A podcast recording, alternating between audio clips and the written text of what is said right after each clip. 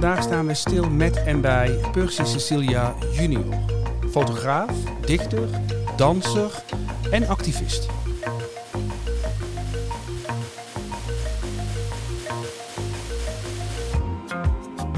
Dag Percy. Goeiedag. En ook nog tekenaar en, en, en. Volgens mij heb ik nog niet alles genoemd, toch? Nee, ik eh, doe een beetje te veel van de goede. Eh, ik werk ook bij de bibliotheek. Ik, eh, als activist werk ik voor ARA. En dat is een antiracistische organisatie in Wageningen. Ik gaf aan dat ik een dichter ben. Ik ben ook een schrijver. ik teken heel veel voor mezelf eigenlijk. om dingen op te slaan. dansen gaf je aan. Ik ben een salsa-leraar al tig jaren. Daar was ik benieuwd naar. Want ik, op je website staan mooie, hele mooie foto's. Mhm. gedichten in Nederlands en Engels. Mhm.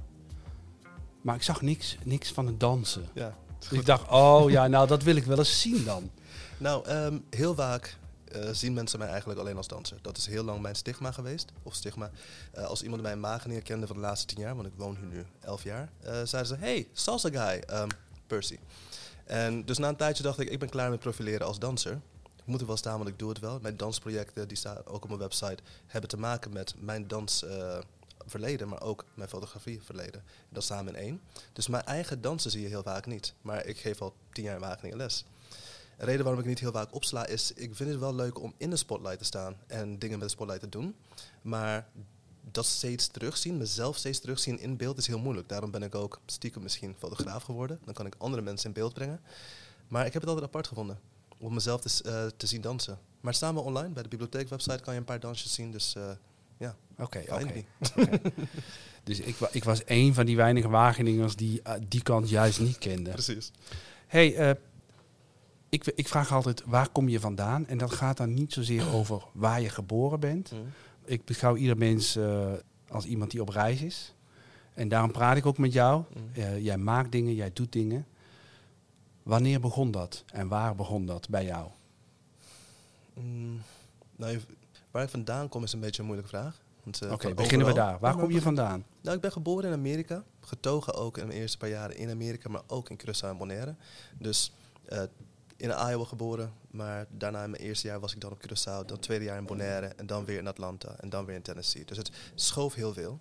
En omdat ik eigenlijk in mijn, eerste, in mijn derde jaar al een beetje de ervaring had van, oh, ik moet echt iedereen goed begrijpen en ik moet weten waar ik ben, begon ik eigenlijk al rond te lopen met mijn vaders camera. Een beetje rond te kijken, foto's maken. En fotografeerde mijn vader ook als ik dat deed. Dus uh, toen, toen eigenlijk. En dan begon dus met fotografie? begon met fotografie, uh, omdat ik op dat moment uh, tussen verschillende landen in zat. Ik moest Engels met bepaalde mensen praten, mensen met anderen, Nederlands met anderen, Spaans met anderen. En dat liep niet altijd vlot.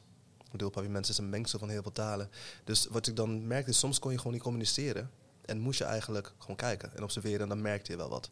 Dus uh, de observeren werd dan camera. En na een tijdje hoefde ik de camera niet bij me te hebben, maar bleef ik observeren. Dus uh, ja, zo begon het eigenlijk. Voelt er dat zo'n roeping of is het iets wat heel natuurlijk is? Misschien gaat dat samen eigenlijk.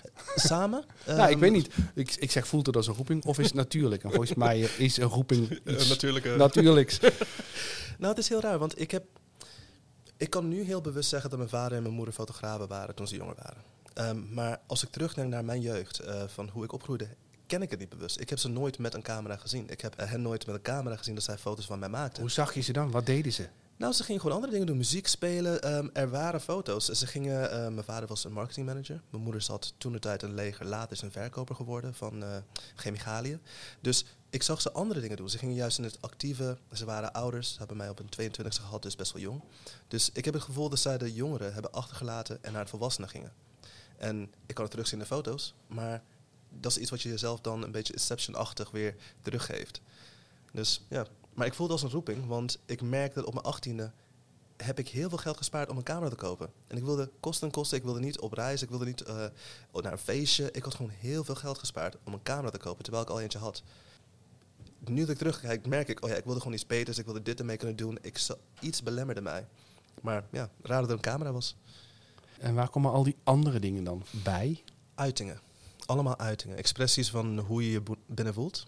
En niet alleen met taal kan uiten. Ehm, ik was op mijn vierde was ik in Atlanta. Ik woonde met mijn vader en, mijn moeder. En ehm, mijn buurman, onderste buurman, was Chinees. in het begin konden wij niet zo goed praten. We konden wel gebrekkig Engels met elkaar spreken uiteraard. Maar we spraken meer met het eten.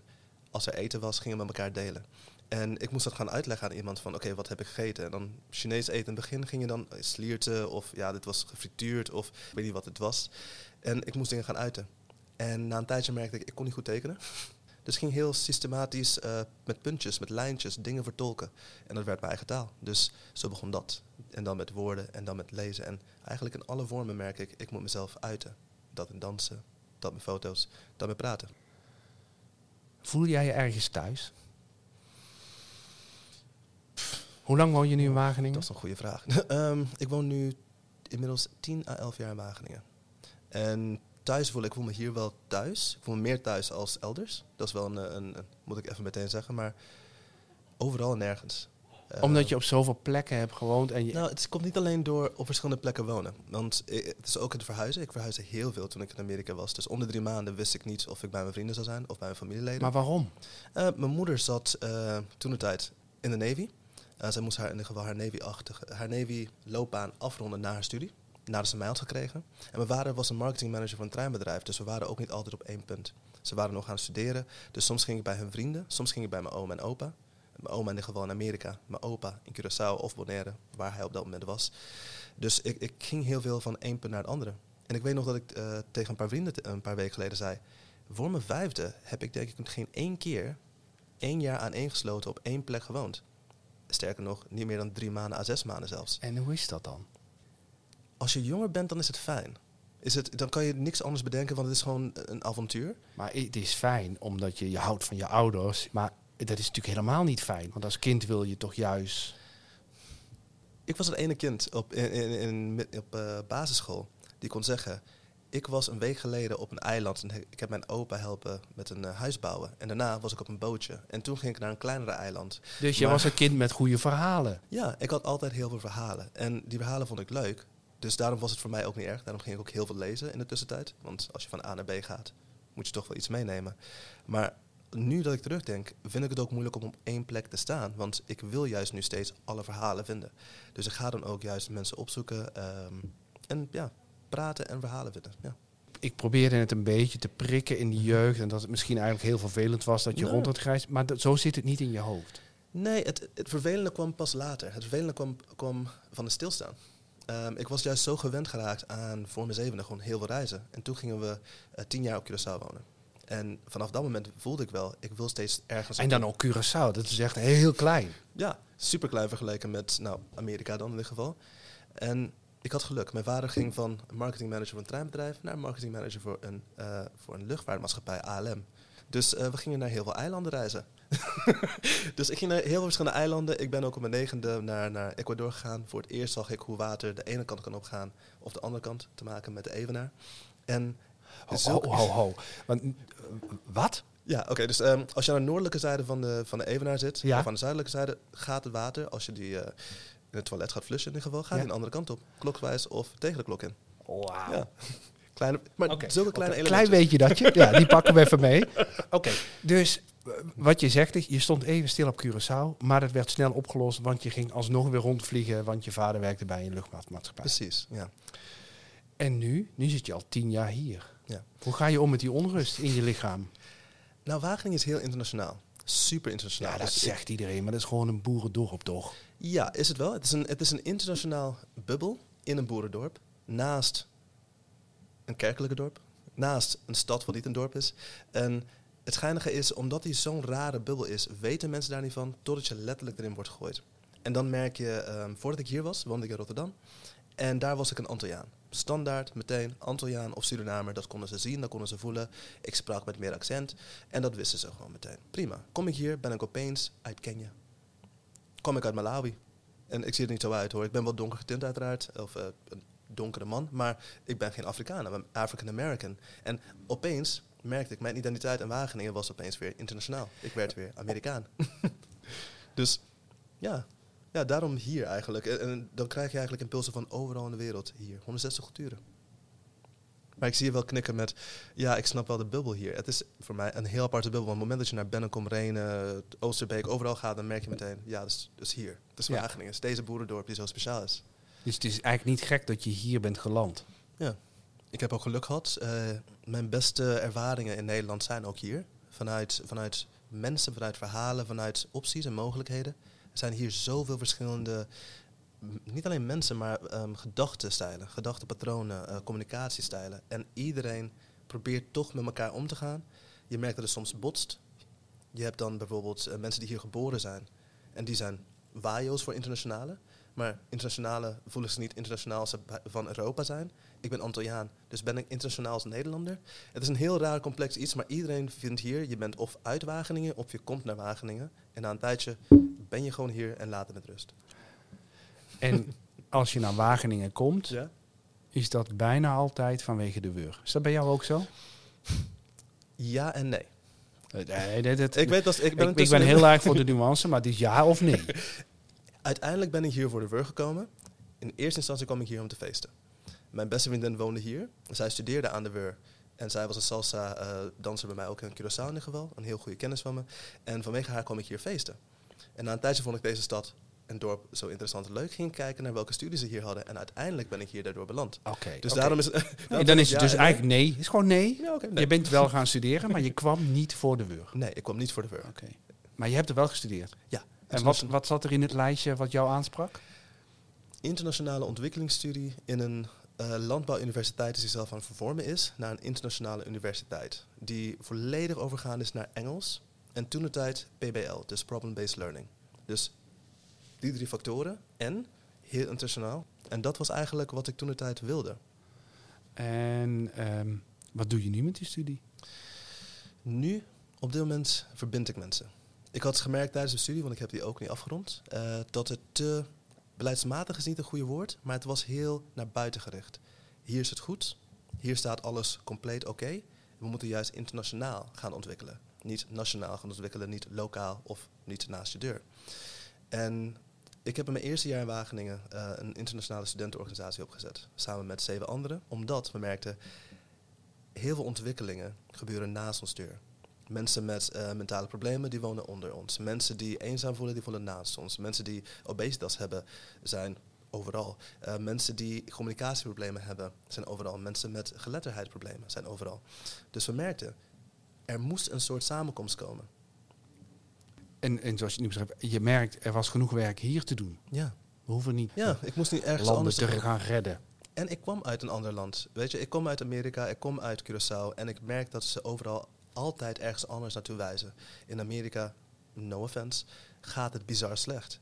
Ze horen geen internationaal hulp meer te geven. Ze moeten zichzelf even heel goed helpen. En ik merkte dat dat beleving niet hier was. Het was, ik ga even op een gap hier naar Tanzania. En ik ga daar mensen helpen. En ik dacht van ja, maar hier. En ik, ik zie het om me heen. Ze zijn allemaal mijn vrienden. Ze zijn nu ook mijn familie. Want ik heb maar een, één broer die in, Curaçao- die in eh, Den Haag woont. En voor de rest geen familie hier in Nederland. En ik heb gemerkt, mijn familie, mijn, mijn vriendenvertrouwen, alles is opgebouwd hier in Wageningen. Dus ik wil het hier gewoon hier werken, hier beter maken. Nou, mooi. Hm. Blijven doen. Ga ik proberen. Klinkt heel idealistisch en utopisch, maar het is wel zo. En, en hoe doe je dat dan concreet?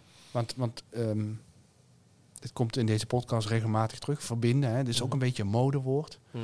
Ehm, maar hoe doe je dat?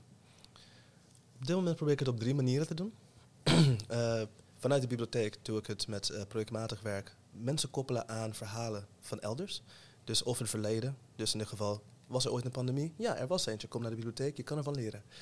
Ehm, mensen met verbindingen met dansen bijvoorbeeld brengen. Ook weer via bibliotheek. Dus de dans in de bibliotheek brengen. Stiekem met je gedanst. En dan komen mensen daar. Misschien gaan ze dan weer lezen. Of lezen over dansen. Dus echt verhalen vertellen en vertolken. Voor de antiracistische organisatie waar ik voor werk, ARA, ben ik nu heel erg bezig met uitsluiting of, ehm, of otherism, zoals ik het heel vaak noem, tegen te gaan. Door mensen een plek te geven waar ze wel meldingen kunnen maken, maar ook verhalen kunnen vertellen. Maar ook kunnen zien, racisme en racistisch zijn bestaat, het heerst, we zijn het allemaal. Want op het moment dat je wijst naar iemand anders en zegt, zij zijn zo omdat, dan ben je niet meer naar de persoon aan het kijken, maar naar de omhulsel. Of naar de acties van andere omhulsels die lijken op deze. En ik probeer ze juist een plek te geven. En dat is het derde in ieder geval, de safe spaces. Ik probeer mensen in, in gesprek te laten komen op plekken waar ze zelf in ieder geval veilig voelen en veilig kunnen blijven. En, en hoe, ehm, safe spaces vind ik, Mhm. dat klinkt heel goed, heel mooi ook. En, en dan denk ik, oké, ik wil dat. Ja. Hoe, eh, bel ik jou op? Ga ik naar de biep? Ik bedoel, dat verhaal van de bibliotheek is duidelijk. Daar kan Mhm. ik heen. Daar kan je heen. Maar eh, die andere twee, hoe, hoe gaat dat in zijn werk? Nou, voor ARA bijvoorbeeld hebben wij ehm, gesprekken aangegaan. Dus wij doen ehm, gevraagd en ongevraagd advies naar instanties of locaties. In dit geval Wageningen is onze locatie, ons domein. Dus hebben we bij de WUR en bij de gemeente aangekaart. Er is racisme, er is discriminatie. We willen erover aan eh, gaan praten, we willen aan de verslag. Dit zijn de problematieken. Hier hebben we al aangekaart. Laten we doorgaan. Dit is ook een uitvloeiing vanuit BLM en petitiespreking van vorig jaar, maar ook vanuit ervaringen dat wij allemaal onofficiële ehm, vertrouwenspersonen zijn die heel veel ervaring hebben opgebouwd. Ik specifiek, want ik verzamel verhalen. En dan kan ik ook heel goed aangeven, dit is waar we niet gehoord zijn. Dit is waar we niet eh, gezien zijn. Dit is waar we niet gevoeld zijn. Dus dat is vanuit ARA heel fysiek. Dus Ja, ja, ja. En juist die verhalen die je ook van anderen hebt, maar die dat misschien niet zo goed kunnen vertolken, precies. wel op ambtelijk niveau inbrengen of bij de WUR op eh, bestuurlijk niveau. Precies. En vanuit de safe spaces, als je, je kan aangeven, je kan me bellen. Ik wil een safe spaces voor. En dan is het een onderwerp uiteraard. Het gaat niet heel vaak om de onderwerp specifiek. Op dit moment focus ik op inclusiviteit, diversiteit. En dat heeft heel vaak in dit geval te maken met... ik wil niet dat mensen ehm, exclusie ehm, ervaren. Maar het kan ook zijn over gender, bijvoorbeeld. Want gender is ook een gedeelte van een identiteit die je hebt. Dus Maar het gaat vooral om de veiligheid, Ja. eigenlijk. nou, niet alleen Gaat het om- veiligheid, veilig gevoel, veilig zijn, veilig ervaren, veilig handelen. En het veilig is het sterkste woord, want als je niet veilig voelt, dan ga je een klein beetje aanpassen. En die kleine aanpassingen belemmeren je in het dagelijks leven. Als je bijvoorbeeld weet dat het rechtergedeelte van de stad onveilig is en je voelt je veilig op het linkse gedeelte, jammer dat ik een politieke naam heb gebruikt, maar dat bedoel ik juist niet in dit geval, dan ga je minder naar rechts. En als er iets is in rechts wat je had willen doen, of een droom die je had willen verwezenlijken daar zo, dan doe je het niet meer. Dus dat onveilig wil ik minder maken, dat veilig wil ik uitbreiden, maar ook dat het tussen mensen en om mensen heen groter wordt. Ik weet niet of dat te vaag is of een beetje naar de concrete kant gaat. Ja, nou, het- op zich is het heel concreet, maar je hebt me aan het denken gezet. En ik zat gewoon een beetje te... Eh, Ja. Black Lives Matter. Yes. Ehm, dat heeft afgelopen jaar eh, natuurlijk heel eh, veel momentum gepakt. En heeft heel veel mensen ook de ogen geopend. Daar moet, daar moet jij op, heb kunnen, daar heb jij op kunnen aansluiten met dit hele eh, verhaal, gok ik. Ja, ja heel veel. Ehm, vanwege de BLM ehm, en de protesten die we hier in Wageningen hebben Dat is gehad. fijn. BLM is makkelijker. Ja? Ga je ook niet mis. Ja, Ja, ja, maar Black Lives we Matter. hadden een grote demonstratie. Precies, en daar heb ik meegeholpen aan een organisatie. Ik was daar een spreker.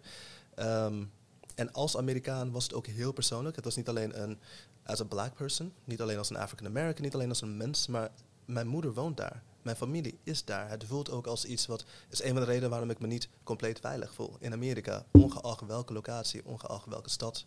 Want het hoeft maar één keer fout te gaan.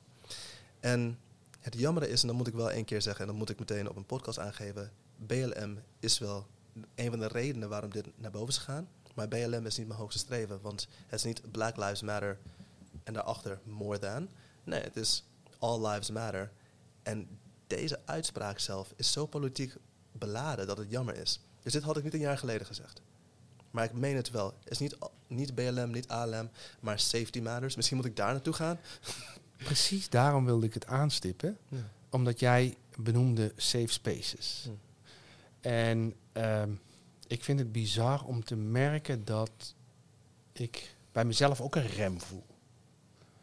Ik weet niet meer of ik blank of wit en zwart of bruin. ik weet het niet. Ja. Ik wil het heel graag goed doen.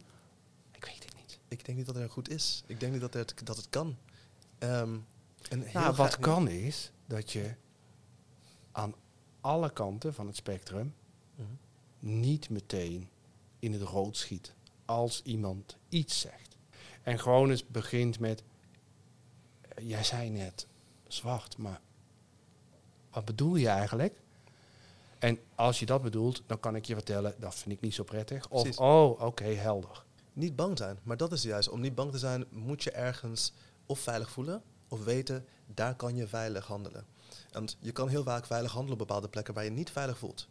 En als je denkt aan, ik weet niet, een, een, een markt die bijvoorbeeld ehm, op een boot staat die steeds heen en weer schuift, dan voel je op dat moment niet helemaal correct. Je voelt je wankel. Dat is een onveilig gevoel. Maar als je dat intern voelt terwijl je met iemand praat, ja, dan kan je niet focussen.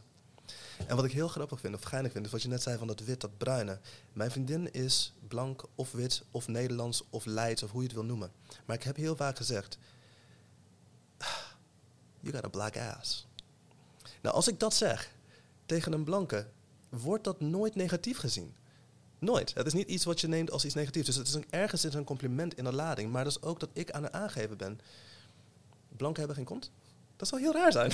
dat zal heel raar zijn. Dus, en, en ik merkte zelfs tijdens die BLM, dat omdat ik steeds meer in gesprek moest gaan met mensen, dat ik mezelf moest aanscherpen.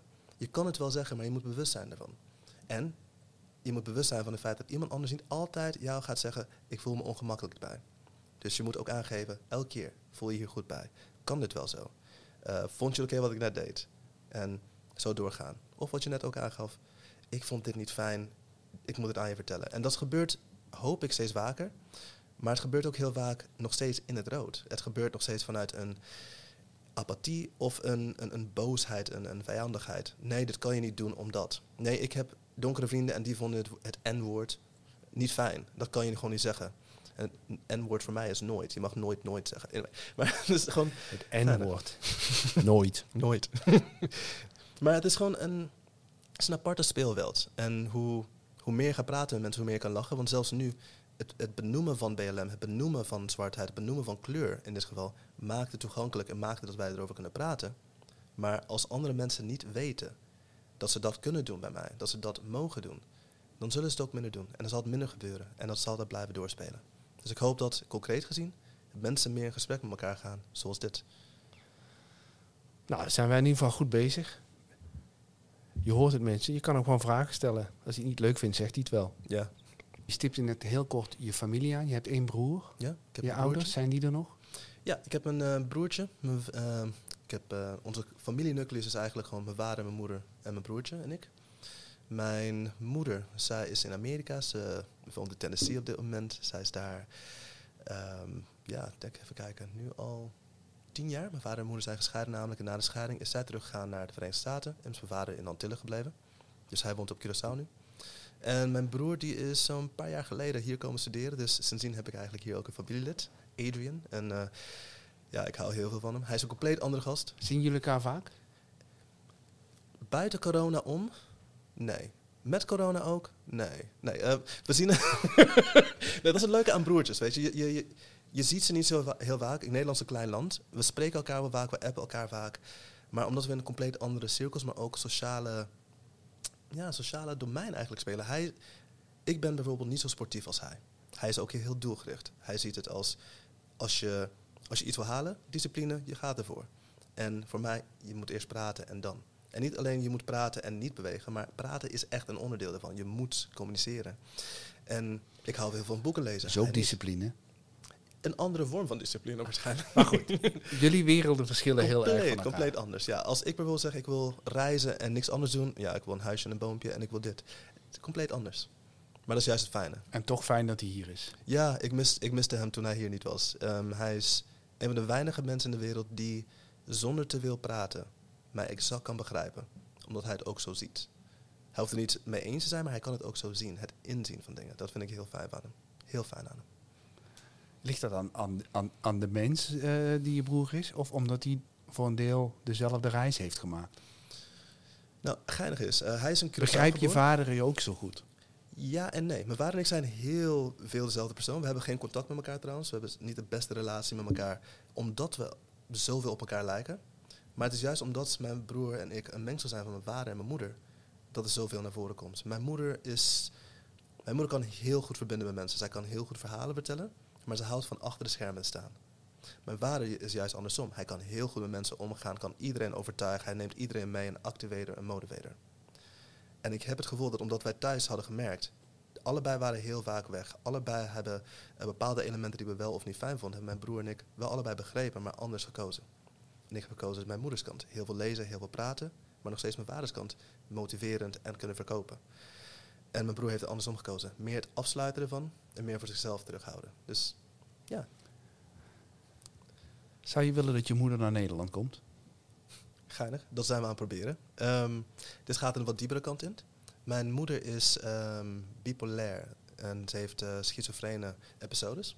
Dit is al 10 jaar à 15 jaar bezig. En we zijn nu in de laatste. Je hoeft niet alles te delen, hè? Dat vind ik helemaal niet erg te delen.